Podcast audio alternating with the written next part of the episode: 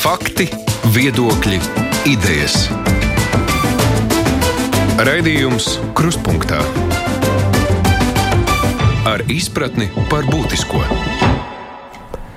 Aizsmeļamies Tamsānas studijā, labdien!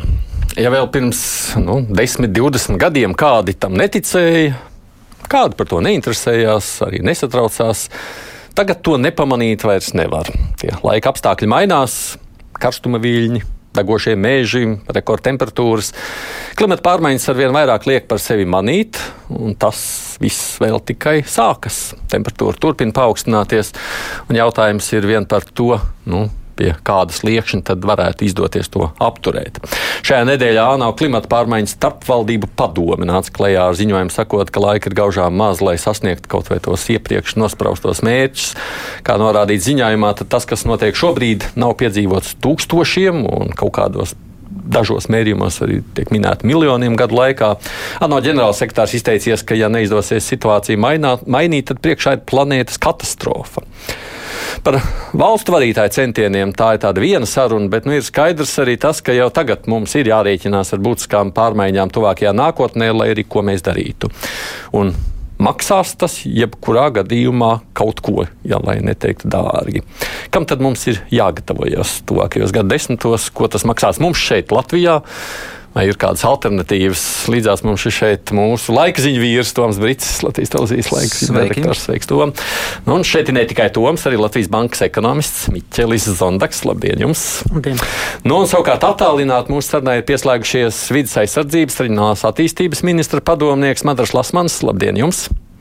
Labdien! Un arī Eiropas parlamenta deputāts Ivars Ījaps. Sveicināti! Tā tikai var būs jāieslēdz kādā brīdī mikrofons, citādāk murti. Es redzēju, ka jūs plātījāt, bet dzirdēt, es jūs nedzirdēju. Labdien, jā, es, tagad, tagad man dzird, paldies. Tagad arī dzird, jā. To meteoroloģija ir tāda, nu, tava sirdslieta tomēr. Um, redzot tos pašreizējos procesus, um, dzirdot tās klimata pētnieku secinājumus, kāda aina iezīmējas tavam skatam?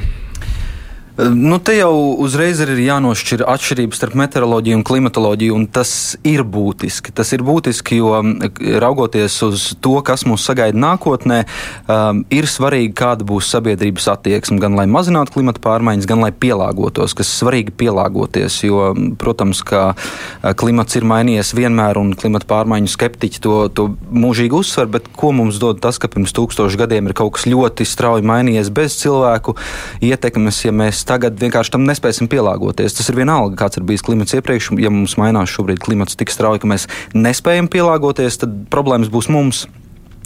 Bet uh, raugoties nākotnē, tas jaunākais pētījums pirmkārt apstiprina to, ka līdzinājās prognozes ir bijušas uh, pietiekami precīzas un ka nākotnē izskatās arvien draudīgāk. Nu, ja kaut kādus konkrētus salīdzinājumus, tad, piemēram, šī vasara, kas uh, šobrīd joprojām, lai cik vēss būtu atlikušais augusts, kalendārā vasara būs karstākā, kāda pie mums ir bijusi, bet cilvēku atmiņa ir īsa, jo mums bijušas divas no nu, jau pavēstas nedēļas, un es domāju, ka daudziem jau sāk Vajag pagaist. Vasar, jā, sāk pagaist. pagaist tā, tās atmiņas par to, ka nevarēja pagulēt naktīs. Un šeit ir tiešām svarīga cilvēku izpratne. Un ar tik relatīvi vienkāršu lietu kā vakcinācija mēs globāli netiekam galā, un klimata pārmaiņas ir daudz sarežģītākas. Un tās diskusijas, kas līdz šim ir bijušas, ir, manuprāt, sevi izsmēlušas, jo nu, desmitiem gadu vienīgais tāds cilvēku pārliecināšanas veids un metode ir, ir biedēšana pamatota, bet nav citu instrumentu. Un tā sabiedrības daļa, kas ir šo sapratusi un, un piekrīt tam, ka kaut kas ir jādara, joprojām ir mazākumā. Valdības nespēja pieņemt eh, skarbus lēmumus, jo aiz valdībām ir vēlētāji. Un, uh, rezultātā mēs uz priekšu nekustamies, ja mēs nemainām to, kā mēs par to runājam. Jo arī paskatoties, kaut vai iegūglējot, vai mūsu pašu ziņu aģentūrā es paskatījos uh, vēsturē, ap 2000. gadu, 99. un 2000. gadā ir raksti par to, ka Priekšā ir katastrofa, krīze, uh, nu, izmisums. Ir pagājuši 20 gadi, un šeit Latvijā mēs paskatāmies pa logu. Nu, jā, bija karsta vasara. Nu, Bet dārzā arbūzi jā, jā, tagad tā- aug. tā nekas, jā. Tā nekas, jā. Un uh, ziemas, nu jā, ir mazāk, ir bez sniega, bet brīžiem ir atkal. Un var paspēt aizskriet slēpot. Jā, tomēr, jā, jā. Un, uh, un turklāt ir arī ieguvumi. Tomēr sniega tīrīšanai vajag mazāk naudas, apkurē vajag mazāk naudas. Un pārliecināt sabiedrību maksāt vairāk par jaunām tehnoloģijām, jaunu pēc būtības dzīvesveidu, uh, lai nākotnē mēs varētu turpināt dzīvot kvalitatīvi, nu, saglabāt vismaz šo dzīves kvalitāti, kāda mums ir, pārliecināt ir grūti. Un, piemēram, Labi, bet to mēs gribam, lai tu tā nodarbojies ar biedēšanu. Tas arī tas, nu, ne ar biedēšanu, bet ar to nu, iezīmēm mums ainu 2070. gads man. Nu, un iezīmē. Jā, es, es varu mēģināt iezīmēt, bet man šķiet, ka tas, tas ir bezjēdzīgi. Jā, piemēram, ā, vasaras dienu skaits. Tas ir ā, viens no parametriem, kā mēra klimata pārmaiņas. Tās ir dienas vasarās, kad temperatūra ir vismaz 25 grādi. Ā, Līdz šim parasti tas ir 20. Varbūt jau labās vasarās 30 dienas, bet pēdējā desmitgadē mums ir vairākas vasaras ar 50 dienām. Un ā, šī gadsimta otrajā pusē 50 līdz 80 dienas būs normāli. Kurzemē, piemēram, ā, ziemas, kad ir sniega kārta izveidojusies un ir sals noturīgs vismaz 5 dienas, būs 1%. 1% tādu ziemu būs kurzemes piekrastē. Tātad ziemas faktiski ā, gadsimta otrajā pusē sniega būs nebūs. Vasara sāksies maijā, beigsies septembra beigās. Nu, apmēram. Jā, jā, jā. tā- Bet kas ir, kas ir svarīgi, ka mums arī ir jāizmanto tas labums, ko mēs varam gūt no šī. Bet tās diskusijas līdz šim ir bijušas, piemēram, šogad mani aicināja uz diskusiju lampā. Es šogad atteicos tur piedalīties, jo iepriekšējos divus gadus diskusijas bija tik infantīlas. Ka, ka ir skumji pārsvarā viss sākas ar to sabiedrējumu. Sabiedrējumu ir dažādu organizāciju pārstāvi. Beigās nonākam pie tā, ka ir jautājumi no klātesošiem skatītājiem, ko mēs varam darīt individuālā līmenī. Mēs varam eh, lietot audumu maisiņu, mēs varam braukt ar velospēdu. Tas ir viss, kā šīs diskusijas beidzas. Ko Un- vajag? Tas ir labi. Es droši vien sēdētu tagad Dāno tribīnē, ja zinātu, ko vajag. Bet, eh, bet tas, ka līdz šim, ka, ka stratēģiju vajag mainīt, tas ir pilnīgi skaidrs. Jo Viena daļa sabiedrības, kas to saprot, to vairs nevajag biedēt. Savukārt tie, kuri nav pārliecināti ar biedēšanu, tur nekas nedarbojas. Un, manuprāt, arī tie zaļā kursa virzieni no Eiropas puses, tur Ieba kungs varēs pastāstīt vairāk. Manuprāt, šobrīd arī ir ļoti papīru darbs, jo, piemēram, Latvijā ļoti spilgti arī tas iezīmējas lielās kompānijas, nu pat viens no lielo, lielākajiem mazumtirgotājiem arī paziņo, ka turpmāk mēs lietosim tikai zaļo enerģiju. Tas nozīmē, ka Nē. viņi maksās vairāk par enerģiju, ko viņi ņem tāpat saražot kā līdz šim. Teorētiski tai naudai vajadzētu aiziet, lai attīstītu jaunas tehnoloģijas, bet šobrīd ir situācija, ka faktiski eh, lielās kompānijas un lielākie uzņēmumi var pāriet, visi būt zaļi, bet nekas nav mainījies. Un paies gadi 10, 20, nauda būs iztērēta, un mēs atkal sēdēsim pie galda un domāsim, mm. ko darīt. Jo zaļais kurs, manuprāt, ir par tādām tehnoloģijām, kas vēl nav izdomātas. Un, eh, ja tās neizdomās, tad tā, nauda aizies papīros. Un, un jautājums, vai to izdosies izdarīt. Jo šobrīd tā situācija, manuprāt, ir ļoti kritiska, jo reālas rīcības ir ļoti, ļoti maz. Maz, labi, par ko darīt mazliet vēlāk šīs diskusijas laikā. Es gribu sākumā tomēr uh, tieši šo te. Kā lai to nosaucu? Spekulācija, varbūt prognozēšana. Nu, mēģinam saprast, nu, ko vienkārši realitāte, jūsuprāt, ar ko mums tuvākajos nezinu, 50 gados ir jārēķinās. Lasmaņkungs, ne par politiku šobrīd, bet vienkārši jūsuprāt, kāda tā realitāte rādās jums. Jā, paldies. Es domāju, ka šobrīd ir tāds laiks, kad eh, piekrītu Brīsīkungam, ka eh, varbūt šobrīd ir vairāk vārdu nekā darbu, bet eh, man liekas, tāds 21. un 22. gads ir tāda robežšķirtne arī politiskajās darbībās, kur mēs esam sarakstījuši līdz šim laikam daž, dažādas stratēģijas, nosprauduši gar, garus un tālus mērķus. Bet nākošais plānošanas periods Eiropas finansējumu, kas patiesībā ir pamata atslēgas vārds gan valsts sektora teiksim, darba virzībai, gan arī uzņēmēju virknei nozarēm, ir tieši Eiropas fondu nosacījumi. Un nākamais gads iesākās ar virkni jauniem izaicinājumiem, kur pašo, gan pašvaldībām, gan valsts institūtiem, gan uzņēmējiem, lai nokļūtu līdz Eiropas saimnības fondu piekļuvis, nebaidzēs vienīgi, vienkārši ar papīriem, kā sacīt, tikt cauri varēs, kā Brīskungs saka, bet būs reāls darbības jāveic. Bet, bet tas mans jautājums, bet, mīļie, mīļie klausītāji, ne dalībnieki. Es pa priekšu gribu sadzirdēt, lai jūs sadzirdat to man pirmo jautājumu. Par ko darīt, runāsim. Nebaidieties, lai laiks pietiks arī tam. Bet jūsu aina, es gribu to realitāti dabūt. Jo šobrīd mēs sakām, būs slikti vai rīkoties. Bet kas, nu kādu jūs tad redzat? Ar ko man jārēķinās? Tā, kad man būs bērniem pensijas gadi. Nu, kas būs? Es būšu varbūt sen zem zemes. Nu, ar ko jārēķinās? Ar jārēķinās ar to, ka, uh, lai cik mēs uh, varbūt arī naski uh, cīnīsimies par uh, vidējās temperatūras uh, samazināšanu, uh, paaugstināšanās tempa samazināšanu, protams, ka mūsu Latvijas ainavā ienāks uh, kultūras, kuras varbūt šodien mums nav tik raksturīgas. Arī šobrīd jau Facebookā var redzēt, kur cilvēki bildēs nevis rapsī, bet saules puķēs. Tāpat parādās jauni kaitēkļi, jauni kukaiņi, kas mums bojā ražu. Jāatrod būs jaunas metodes, un varbūt būs kādas nu, jomas un nozares tādā 20, 30 gadu griezumā, kurām varbūt būs jāsaka, pietiek pa vecam, jā, jāatrod kaut kas jauns, zinātnieki atklās kaut ko jaunu, ko mēs šodien nevaram pat iedomāties. Nu, piemēram, šodien bija mums tikšanās ar kūdras nozari, kas man prātā vispār neliekās kopā, bet piemēram, ir zinātnieki konstatējuši, ka kūdru varētu aizstāt kūdra, kūdra varētu aizstāt litiju, pieņemsim, akumulātoru. Kūdiem mūsu mobilā telefona akumulātoru var aizstāt ar kūdras substrāta briketi, kas arī varētu pildīt šo funkciju. Šodien tas mūsu prātā vienkārši ne, nekur neliekās kopā. Bet tā realitāte ir tāda, ka mēs ticam, ka ja iz, zinātnieki jau šodien aizdomājuši līdz tādam, tādam nu, prātam netveramam brīdim. Es domāju, ka tie 10, 20 gadi, kur Eiropa ļoti daudz naudas veltīs tieši izpētes sektoram, mums atradīsies jauni izaicinājumi, kur arī Latvijai kā valstī, izmantojot šodienas resursus efektīvāk, savādāk, dažādāk, būs iespēja radīt jaunas darba vietas un spēt noturēt, ka tā Latvijas valsts eksistē, viņā ir nodokļu maksātāji, ir cilvēki, kas viņā dzīvo.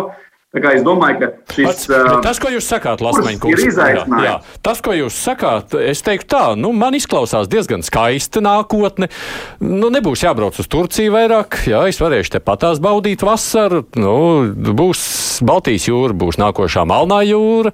Ivaram Ievam nepatīk tomēr tā perspektīva. Nē, nē, es domāju, ka mums nevajadzētu īpaši priecāties par to, ka šīs klimata pārmaiņas notiek, jo tas skaidrs, ka mums, kā jau Bričkungs pareizi teica, mums būs vairāk saulaina diena. Eh, bet mums būs, un tas jau ir jau sācies, kā mēs to redzam šobrīd, būs, būs krietni vairāk visādi dabas anomāliju un katastrofu. Vai ne ar plūdiem Vācijā un orkāniem Čehijā, vai ne? Un tas ir tikai sākums. Un tāpēc, ja jūs vaicājat Tomsona kungs par to, kā mēs dzīvosim pēc 50 gadiem, tad ir skaidrs, ka tas klimats būs mainījies. Jautājums ir par to, cik lielā mērā mēs tās klimata pārmaiņas būsim spējīgi kontrolēt. Tas ir viens no stāstiem, piemēram, vajag, plūdi, vajag, vajag kontrolēt. Nu, kaut ko mums, mums kalnu nav, mums tur nenāks no kalniem viss tā ūdeņa lejā. Mums, eh, piedošana, no ūdens līmeņa celšanās ir diezgan liela lieta. Tur, protams, ir jautājums par to, nu, eh, Baltijas jūra, kāda viņa izskatīsies, piemēram, pēc gadiem 50, ir pats par sevi Interesants jautājums. Tur ir jautājums, nu kā, kā to var. Tur ir dambļi. Piemēram, Latvijas liels resurss ir purvi, starp citu, ne? Kas diezgan lielā mērā ir spējīgi, cik es saprotu, arī absorbēt kaut kādas, nu, kā saka, pie, pie, pieaugušas mitrumu klātbūtni un tā tālāk. Tā kā ir skaidrs, ka tas klimats mainīsies. Jautājums, vai mēs to procesu varam padarīt kontrolējamu un savienojamu ar cilvēku normālu dzīvi. Un tas, starp citu, ir arī lielā mērā jautājums par ekonomiku. Jo nu nevajadzētu aizmirst visās Eiropas Savienības dalību valstīs, protams, saprot, cik aktuāls ir klimata jautājums, bet tas jau neatceļ veselu virkni citu jautājumu. Mēs gribam elementāru ekonomikas izaugsmu. Lai mēs pietuvotos Latvijā kaut kādam vidējam Eiropas labklājības standartam. Un tas lielos vilcienos ir jautājums par to, kas jau izskanēja, proti, par inovācijām, proti, cik mēs būsim spējīgi radīt tādas tehnoloģijas, kuras mums spēs piegādāt elektroenerģiju, piemēram, nededzinot vairāk dīzeļu un ogles. E, tehnoloģijas, kuras mums spēs aizstāt daudz ko no tā, kas šobrīd mums ir nu, principā, tautsēmniecības pamatā, vai ne visi fosīlie kurināmie. Un uh, Latvijas zinātnieki, starp citu, šajā ziņā arī šo to ir darījuši un dara joprojām Eiropas projektu konkursos, piemēram, attiecībā uz ūdeņradi kas ir viena nozīmīga nākotnes tehnoloģija, kur šobrīd, protams, nav tādā līmenī, lai mēs varētu visi braukāt ar ūdeņraža mašīnām. Bet, ja Eiropas Savienība maigi spiedīs un veicinās šo tehnoloģiju izstrādi, es absolūti neizslēdzu, ka tajā 2050. gadā mēs braukāsim Ja ne nu gluži viss ar ūdeņraža mašīnām, tad noteikti ar mašīnām, kuras neies uz fosilo kurināmu. Nu, re, bet nu, tas, ko jūs sakāt, nu, Darvins jau teica, ka cilvēki, nu, ne tikai cilvēks, viss pielāgojas. Nu, tā ir revolūcija, nu, nāks mainīsies. Klimats citādāks, mēs kļūsim bišķi dienvidnieciskāki kur, kā te man raksta viens klausītājs, mēs jau tāpat neko nevaram izdarīt. Tā ir tukša runāšana, tā Ainārs saka, nu, tur, tur nu, pielāgosimies. Jums, kā ekonomistam, papriekš iezīmējot tikai jūs kaut kādā tīri tā cilvēcisku viedokli, uztrauc šis viss? Jā, tomēr. Protams. Tomēr. Tas, tam, kam es piekrītu, ir, tas nav tikai klimata jautājums. Viena lieta ir, protams, Celsijas temperatūra. Jautājums ir, vai mēs spēsim pielāgoties tik strauji. Mums ir jāmaina ļoti daudz paradumu. Tas, tas nav tikai nu, kondicioniers jānopērk. Bet elektrības reiz jātērē. Elektrības cena augs, jo, ja, ja mēs viņu ražosim no fosiliem kurināmiem. Saules vairāk liksim paneļus. Nē, no, saules pirms bet... nekļūs vairāk. Tas, nekļūs tas, vairāk. Nē, nē, nē, tas, ka ir karstāks, nenozīmē, ka saules ir vairāk. Tā ir vēl viena lieta, liekas, kas ir, ko mēs tagad runājam. Es laiku domāju, ka mums būs siltāks, labāks klimats, bet nu, šī vasara parādīja, ka mums, mēs kādreiz sapņojam par divām uh, ražām no, no klimata sasilšanas. Mums šogad ir viena tāda diezgan švaka raža. Reti, kuram patīk šie klimatiskie apstākļi jaunie, ar to ekstrēmo sausumu. No augiem arī jāpielāgojas. Nu, vai viņi spēs tik ātri pielāgoties? Jautājums. Nu, cilvēks un daba un vispār dzīvā būtne rāda, ka viņi spēj diezgan, diezgan spēj. Labi, piedodiet, es te varbūt mazliet uzspēlēt, spēlēju to optimismu, bet es domāju, ka es mēģinu parādīt to sabiedrisko daļu, sakot, nu, labi, runāt, nerunāt, tas tāpatās, kā tu teici par vakcīnām. Mēs jau, nu, nu kur mēs liksimies, izdzīvosim, viss būs labi. Nē, nu, tas ir jautājums, vai mēs izdzīvosim, ja, kā tu saki, daba pielāgojas un tam līdzīgi. Mums ir arī dabā spilgt, piemēram, ir baltais stārķis un melnais stārķis. Melniem stārķim vajag plašus meža masīvus, tīru strautu ar forelīti, ko viņš grib apēst. Baltiem stārķim ir viena alga. Viņš var dzīvot ceļa malā, lauka malā. Balto stārķi mums ir nu, desmitiem tūkstoši. Jā, bet varbūt mēs esam tie melnie vienā brīdī, ka mēs vairs nespēsim pielāgoties tiem apstākļiem, kādi ir radušies. Un, uh, tas ir tiešām būtiski par to, vai mēs uh, saprotam, ka mūsu dzīves kvalitāte pasliktināsies ja mēs neko nemainīsim. Jo man liekas, arī eh, Grētas Thunbergas um, iedvesmotie jaunieši, kad gāja gājienos, tas ir ļoti labi radīt spiedienu uz, eh, uz atbildīgajām iestādēm, uz pārējo sabiedrību, teikt, ka mums vajag kaut ko mainīt. Bet brīdī, kad nav pretī nekā, vai tie jaunieši apzinās, ka, piemēram, ejot šajā gājienā, tas, ko viņi šobrīd sev grib un, un paredz, ir tas, ka viņi nevarēs lietot ātrās modes apģērbus. Tēkreklis par 5 eiro nākotnes apstākļos nu, drēbes maksās 100 eiro. Nu, nav iespējams ilgstoši ar tik ārprātīgu vidas piesārņošanu un resursu tērēšanu, kas arī atstāja ietekmi uz klimatu, nu nav iespējams vēl gadsimtu tā dzīvot, it sevišķi pie pieauguša iedzīvotāju skaita pasaulē. Uh, viņi paraksta sev to, ka viņiem būs jādzīvo mazos, ļoti ekonomiskos mājokļos, kur ir apsildīšana un, un dzēsēšana ir, ir ļoti lēta. Tās nebūs lielas privātas mājas, jo arī lauksaimniecības zemes mums vajadzēs ar vien vairāk, ja ražu būs grūtāk izaudzēt vai, vai vienkārši iedzīvotāju skaits palielināsies.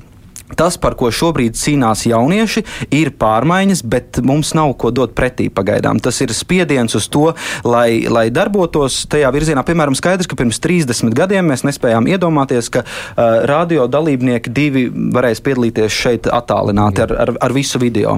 Un varbūt, ka pēc 20, 30 gadiem mums tiešām rodas tehnoloģijas, ka elektroautorāts nav tikai ekskluzīvs um, tāds, tāds līdzeklis, kur daži bagāti cilvēki var izlikties, ka viņi dzīvo zaļi, uh, bet tas varbūt tiešām būs beidzot zaļš transporta līdzeklis. Varbūt tā būs, bet šobrīd nu, vienīgais variants tā ātrumā, kas man nāk prātā, ko Ieva te, kungs teica, ka ar ļoti lielu naudas daudzumu Eiropas Savienība baksta, um, rosina pētniekus un nozares meklēt risinājumus, lai būtu pārmaiņas. Jo saglabājot tādu dzīvesveidu kā šobrīd, pēc 50 gadiem nu, mēs būsim daudz nabagāki. Mēs nevarēsim atļauties dzīvot šādi, jo ja šobrīd biopārtika ir dārga, jo to var saražot maz bioloģiski, tad nākotnē vairs ar tik brīviem resursiem, kaut vai tos pašus teikrēklus, nu nevarēs ražot. Nu, ja mēs esam pieraduši pie lētām lietām, kas tiek ražotas masveidā, neievērojot īpaši trešajās pasaules valstīs, neievērojot nekādus vidas standartus un, un turpinot brutāli izlaupīt resursus un piesārņot vidi, un tādēļ var atļauties saražot lēti. Nākotnē tā vairs tas vienā brīdī beigsies. Mm. Zondakungs, mēs jau jūs arī aicinājām šeit kā ekonomisti, jo man tas paralēlais jautājums tajā visā visu laiku liek jautāt. Cik tas viss maksās?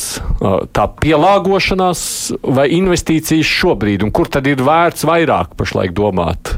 Meklēt pašlaik kaut ko, lai mēģinātu darīt, un nezinu, vai tur var kaut ko izdarīt, vai sanāks vai nesanāks vai nu tad pielāgoties un maksāt tad, kad būs jāpielāgojas. Un šeit ir eh, tā dilemma laiku. Man liekas, tā ir tā problēma. Visi, kad līdz šim ir atlikts tie lēmumu pieņemšana, cerībā, ka zinātnieki nākotnē kaut ko tagad izdomās un brīnumu no viņa, mums nekas nebūs jādara. Viss, viss mainīsies kaut kur citur. Realitāte ir tāda, ka tām darbībām jābūt tomēr tagad. Jo ātrāk mēs viņus sāksim veikt to pārkārtošanu uz zaļo ekonomiku, jo eh, ilgāk laiks mums būs. Uh, sagatavoties pašiem.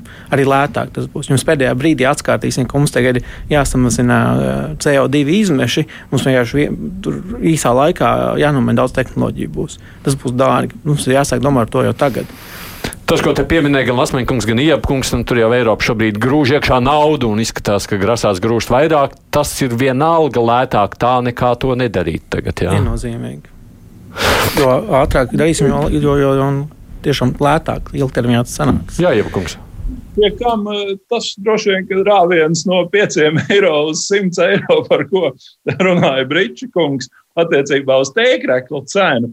Droši vien, ka būtu eh, vieglāk izjūtams, ja viņš nebūtu tik strauji, bet pakāpenisks. Piemēram, šobrīd mēs eh, Eiropas Savienībā runājam par to oglekļa emisijas kvotu attiecināšanu, piemēram, uz aviotransportu kuram līdz šim uh, tas nav bijis. Līdz ar to avio gan degviela, gan arī kvotas tur nav bijušas. Tas nozīmē, ka, un to mums, diemžēl, visiem ir jārēķinās, ka jau tuvākajā nākotnē pakāpeniski drusku dārgākas kļūs avio biļetes, un mēs vairs nevarēsim, tā kā mēs to varējām pirms kādiem gadiem, pieciem, desmit, pirms Covid, ir kurā gadījumā, lidot apkārt. Tas ir, teiksim tā, tur tie visi pasākumi tiek ieviesti pakāpeniski, bet, protams, jo mēs ātrāk sāksim, jo mums būs vieglāk tikt galā ar to rezultātu. Bet, Iepkungs, jūs esat politiķis.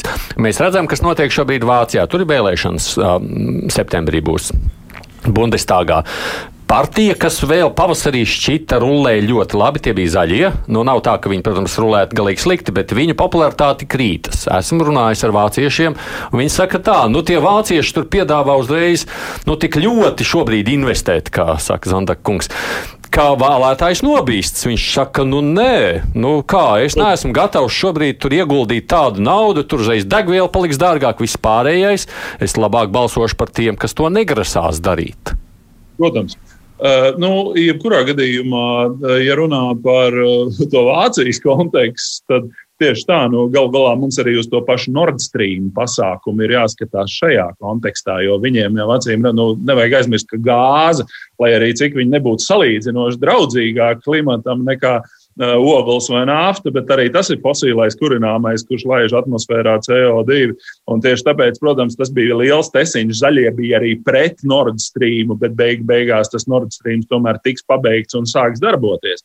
Uh, tieši tā, nu, tur ir vesela virkne ar nu, slāpīgiem jautājumiem. Jautājums ir, protams, bet nevajag aizmirst to, ka Zaļie eh, joprojām ir vai nu pirmā vai otrā populārākā partija, šobrīd otrā, eh, un viņi visdrīzāk būs nākamajā valdošajā koalīcijā ar diezgan augstu varbūtību Vācijā.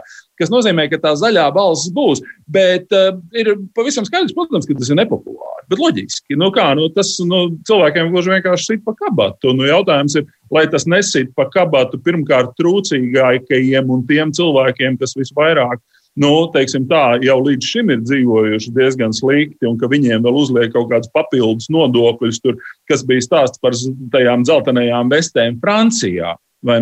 Francijā arī ir diezgan liela opozīcija pret zaļo kursu, un Makrons ļoti labi saprot, ka viņš negrib vairs šo dzelteno vestu atkārtošanos, tāpēc viņš galīgi nav sajūsmā par veselu virkni no tām pozīcijām, kuras šobrīd ir ierakstītas tajā jaunajā Eiropas Savienības pakotnē. Tā kā rudenī mūs sagaida diezgan liels tesiņš eh, par to, kā tad īsti mēs virzīsimies uz priekšu. Bet tas, ka mēs virzīsimies uz priekšu, tas gan ir skaidrs. Tas jau, ko savukārt es arī redzu no mūsu klausītāja rakstītā, kaut vai šīs diskusijas laikā, jau kas nāk, apmēram tā doma jau ir tāda, nu labi, mēs te kaut kur Eiropa gribam iet skriet pa priekšu, bet tad tur ir Ķīna, tad tur ir Krievija, tad tur ir ASV ar Trumpu, protams, mēs labi vēl atceramies, kurā tās, un vienmēr ir tā sajūta, nu, lai tad tur kāds cits pirmais maksā. Un kāpēc mums te lasmīgi, kungs, latviešiem pirmiem jāmaksā, nu, lai tad tur tie vācieši pa priekšu maksā un tam līdzīgi. Mums taču nav jāskrien tur ar pieru sienām. Mums jau tāpatās, tur taču mantojums padomu jūtēt. Jā, jautājums labs, kāpēc mums sāk pirmajiem, bet, es domāju, mēs nees, neesam nebūtu pirmie. Eiropas Savienība to dara visi vienotā, kā sacīt, draudzīgā roku rokā sadevušies. Un, protams, ka diskusijas pašā plaukumā, tajā globālajā mērogā skatoties, protams, ka Eiropa ir kā signāla tāds lakmus papīrīts kopējai pasaules sabiedrībai, jo tikai mums vieniem ieviešot zaļo kursu, mēģinot kļūt zaļākiem, Mēs nespēsim izmainīt klimatu tikai Eiropas Savienības ietvaros. Tas ir dialogs globālais, kā mēs spēsim gan pārliecināt partnerus Ķīnā, gan Amerikā, gan Latvijā, Amerikā, gan arī tas pati Krievija, kur mums, es uzskatu, ļoti slikti ir tas, ka mums šobrīd dialogs praktiski nav, nekāds politiskais dialogs nav, lai kāds būtu kaimiņš. Bet daba un valsts zeme mums ir viena, un mums būtu arī jādiskutē par šī zaļā kursa un dabas aizsardzības jautājumu arī ar ar tām valstīm, ar kurām mēs nelabprāt vēlamies sarunāties. Tāpēc tas nav tā, ka mēs sākam pirmie. Tā ir pirmā lieta. Otrām lietām, Briselē ir gana daudz runājuši, un šis plānošanas periods, kad Brisele dod naudu, jo Latvijā, nu, patīk vai nē, bet nu, lielā mērā nosaka uh, virzību daudzās jomās, uh, naudu, ko piešķir mūsu valsts attīstībai caur Eiropas Savienības fondiem. Nu, mums šobrīd ir tā šķirtne valstī, kad uh, mums no vārdiem jāpieiet pie darbiem.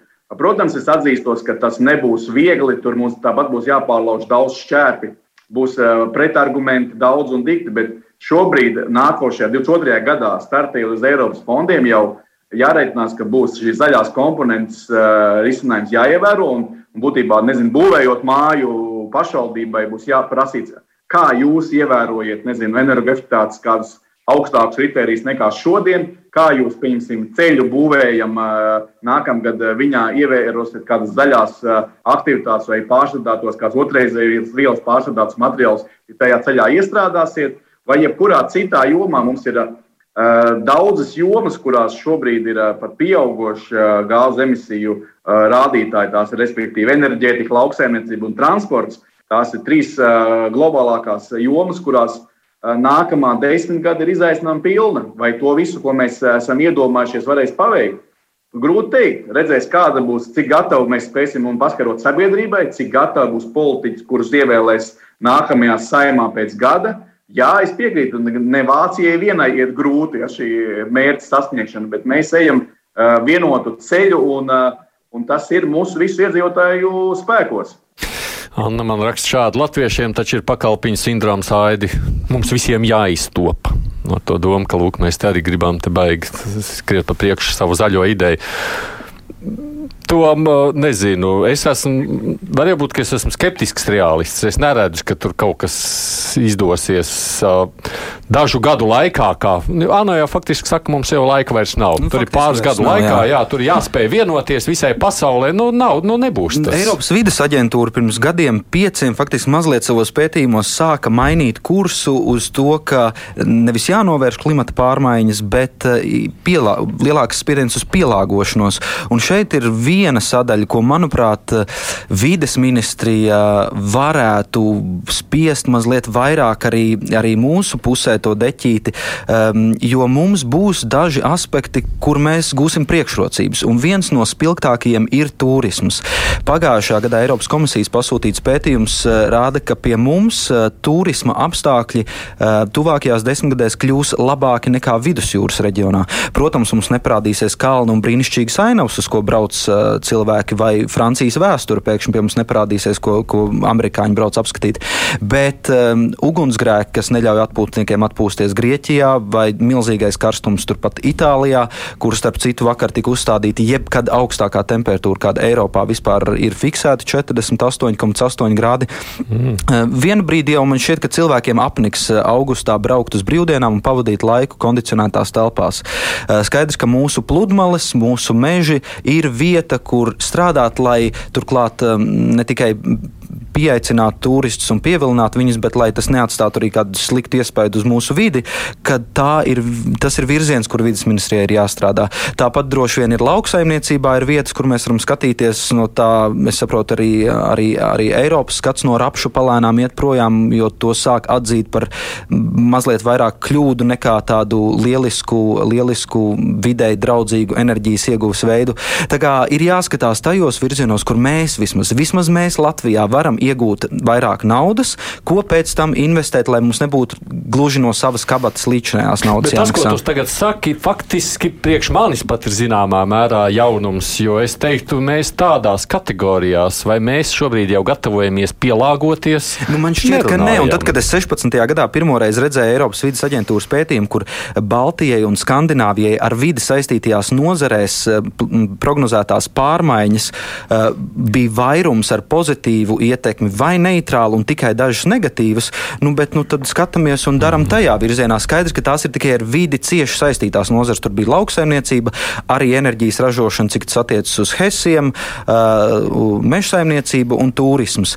Un šajās sfērās mums ir vairāk, tieši mums ir vairāk iegūmu. Skaidrs, ka Eiropas kontekstā, nu, protams, ka lētie poļu āboli varbūt mums beigsies, jo tur ražas nevarēs izaudzēt. Vīna cenas pieaugs nevis tāpēc, ka akcijas liek, bet, bet vīnogražas būs sliktas. Skaidrs, ka tādā globālā ekonomikā, ja Dienvidu Eiropa, Rietuma Eiropa, kas ir ekonomiski attīstītāka, cieši cietīsim arī mēs, bet ir tās vietas, kur mēs varam iegūt, un par to šobrīd es to rīcību kustību neredzu. Kāpēc? Jā, jā. Es teikt, ka labi, turisms un lauksaimniecība ir viena lieta, bet arī tīri tā pārkārtošanās zaļa ekonomika. Tas ir jauns tehnoloģijas. Kāpēc mēs, ne, mēs varētu būt tikpat labi to tehnoloģiju radītāji? Un Latvija varētu tā ir tāda utopija, bet, ja mēs runājam par zinātniekiem, kāpēc mums Latvijā nevarētu būt eh, kļūt par tehnoloģiju radītājiem, nevis importētājiem? Bet vai jums, kā Latvijas bankas ekonomistam, ir zināms, cik mēs vispār modelējam ar skaitļiem, cik mums kaut kas izmaksās uh, uh, nu, tuvākā vai tālākā nākotnē, viens, otrs vai trešais scenārijs? To ir grūti šobrīd prognozēt. Nu, mēs paši teiksim, šādu aprēķinu nevaram veikt. Mēs skatāmies vairāk ārējos ekspertus, ko viņi vērtē. Mm. Un tad tur uh, tie cipari arī ir dažādi. Veiksim, viens, kas nāk prātā bija 16 miljardi ko ar izdevumu. Bet šeit ir jautājums, kā uzskaitīt tos izdevumus. Jo, ja mēs skatāmies ilgtermiņa izdevumus, loģiski ir kaut kādas lietas, kas mums būs jāmaina tā vai tā. Mēs tāpat būvēsim. Jautājums par cik sadārdzinās zaļā būvniecība, nu, energoefektīva būvniecība. Viņa sadārdzinās būvniecības laikā. Pēc tam eksploatācijā var būt lētāk, jo mums mazāk teiksim, enerģija patērējam, apkurē, tur ūdens vēl kaut kas. Mēs paši nevaram veikt, tāpēc, ka mēs esam globālajā vidē pārāk iesaistīti, lai nebūtu spējīgi tā lemt tikai kaut kādā vienā Latvijas mērogā. Es varu, nu, jūs teicāt, ka mēs tādas savas aprēķinas neveicam par kaut kādām jā, izmaksām. Mums jā. īri arī nav dati, varbūt kā balstīties tik detalizēti. Mēs vairāk mm. ņemam vērā citu reģionālus novērtējumus un tad mēģinām saprast, kāds varētu ietekmēt mūsu. Nu, tas jau, ka mēs globāli esam, tas ir skaidrs. Ko jūs sakāt, Lasmaņkungs vai Iepkungs, par to, ko sacīja Toms Brits, ka nu, viena lieta ir par nu, labi investīcijām, viena lieta ir par zaļo domāšanu, par spējām apturēt, bet nu, ka vajag sākt ar vien vairāk domāt arī par spēju pielāgoties, un ka tam arī jākļūst tādā gadījumā ir par politiķu nu, vienu no tādām ikdienas problēmām, par kurām domāt. Es gan gribētu teikt, ka mēs eh, tieši šajā pielāgošanas eh, ceļā jau arī ejam. Mēs neesam eh, nosprauduši mērķi rītdien transformēties, mainīties līdz nepazīšanai. Mēs esam katru, teiksim, piecu gadu, desmit gadu nosprauduši kādu noteiktu mērķi. Un uz viņu virzoties, mēs jautājam, kā mēs varam pielāgoties. Nu, visvienkāršākais piemērs. Mēs esam līdz 35. gadam apsolījušies, ka pārstāsim braukt ar dīzeļa dzinēju automašīnām.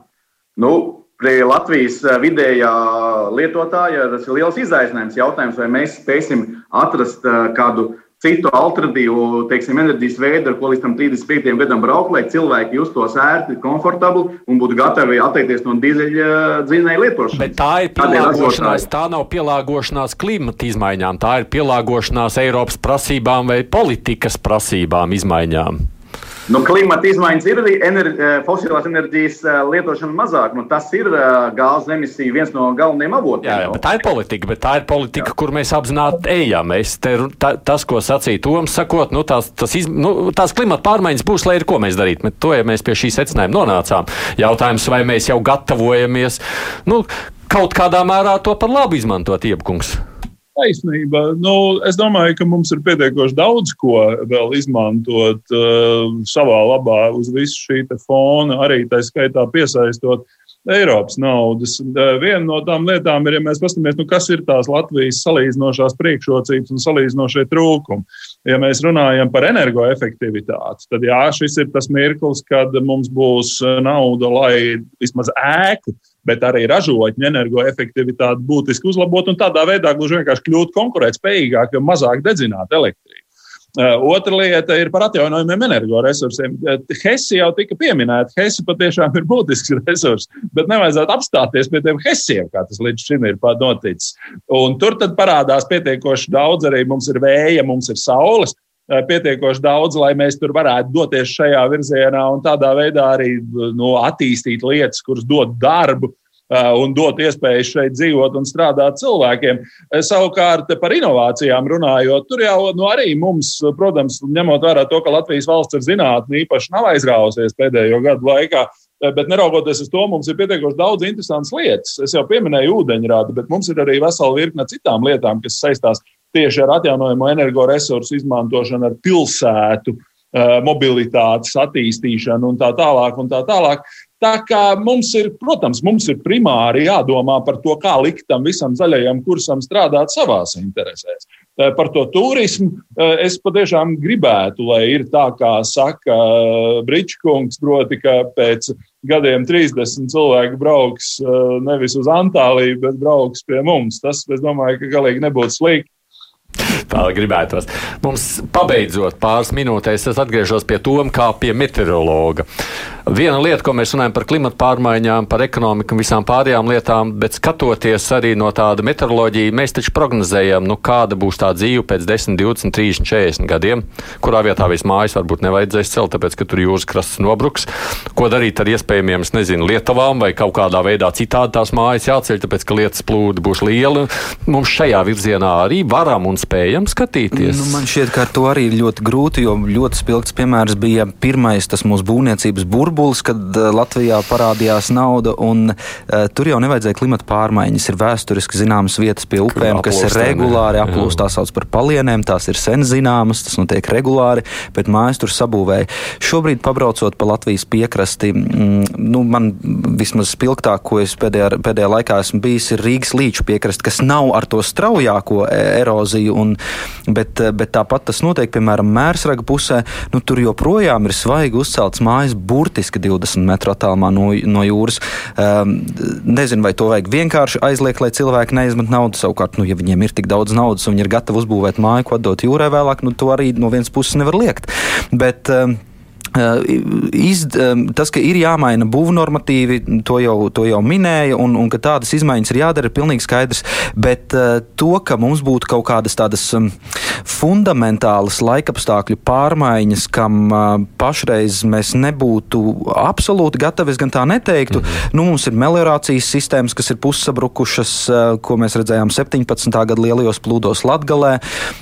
Mums ir pilsētās problēmas ar stiprām lietusgāzēm, bet ar to cīnās cīnās visā pasaulē. Tā ir problēma, kas ir visur un ir dažādi risinājumi, kā īsā laikā milzīgu ūdens daudzumu no pilsētu ielām dabūt projām, jo tur tiešām nu, tur tīri nu, visparastākā pamatskolas fizika, ja tu iegāstos paini ūdens izlietnē, nu, viņš nevar aiztecēt uzreiz. Tur, tur ar to būs jādomā un jācīnās diezgan ilgi. Bet, eh, bet tā citādi, es domāju, nu, ilgstošie sausumi, manuprāt, 18. gada vasarā arī pirmo reizi ieminējos, uz ko rezonēja citi kolēģi medijos, ka mūsu lauksaimniekiem ir jādomā par apūdeņošanas sistēmām. Eh, tās ir tādas lietas, kas pasaulē jau ir. Mums nebūs nekā fundamentāli jauna. Ir jautājums, vai uh, cilvēki būs gatavi tajā ieguldīt, un vai valstī vajadzētu pabalstīt šādas iniciatīvas, kas ir vērstas uz, uz pielāgošanos, nevis vienkārši naudas tērēšanu, ieliekot ķeksi, ka mēs esam zaļāki. Man tiešām šobrīd daudzās nozarēs tā skatoties, ik pa laikam šķiet, ka, ka vienkārši nauda tiek iztērēta un ķeksītas ievilktas, un par to ir bēdīgi, jo nauda tiek grūsta tiešām, nu jā, tādā virtuves valodā runājot, nu, pa malu malām, un ne tur, kur to bieži vajadzētu vairāk. Tas pats attiecas uz zinātni, kur arī, arī šobrīd, cik man ir saistība ar, ar dažiem zinātnes institūtiem, nu, tur arī pieteikšanās Eiropas projektiem pārsvarā notiek nevis tāpēc, lai fundamentāli meklētu un attīstītu kādu virzienu, bet šitien ir viens stūrīts, projekts, ko pabakstīt uz trim gadiem, papētīt, kur var apgūt naudu. Kur, var apgūt naudu, un tam bieži nav pēctecības. Skaidrs, ka fundamentālai zinātnē nevienmēr ir uzreiz jāīstenojama pēc tam dzīvē, bet uh, tam nav pēctecības. Un, Un tāpēc ar to uzraudzību un ar to kopējo skatu nu, ir pašvaki. Bet, bet nu, mm. labāk tā nekā, nekā nemaz nekustēties. Liekam arī to pašu sev aiz auss ceļot māju, domājam, kur ko apūdeņot, kur laukos, kur ko ūdeni novadīt, kur rēķināties ar vējiem, kur koki gāž, kur varbūt mežos jāvelk stīgas, jo ugunsgrēki būs. Latvijas televīzijas laikziņa redaktors Toms Brits, paldies, ka atnācāt. Visi jūs šeit pie mums, Latvijas bankas ekonomists Miķels Zondeks, savukārt attālināt Madars Lasmans ir vidas aizsardzības reģionālās attīstības ministra padomnieks, Ivars Ieps, Eiropas parlamenta deputāts. Mums brīvais mikrofons ļaudis tagad varēs izteikties.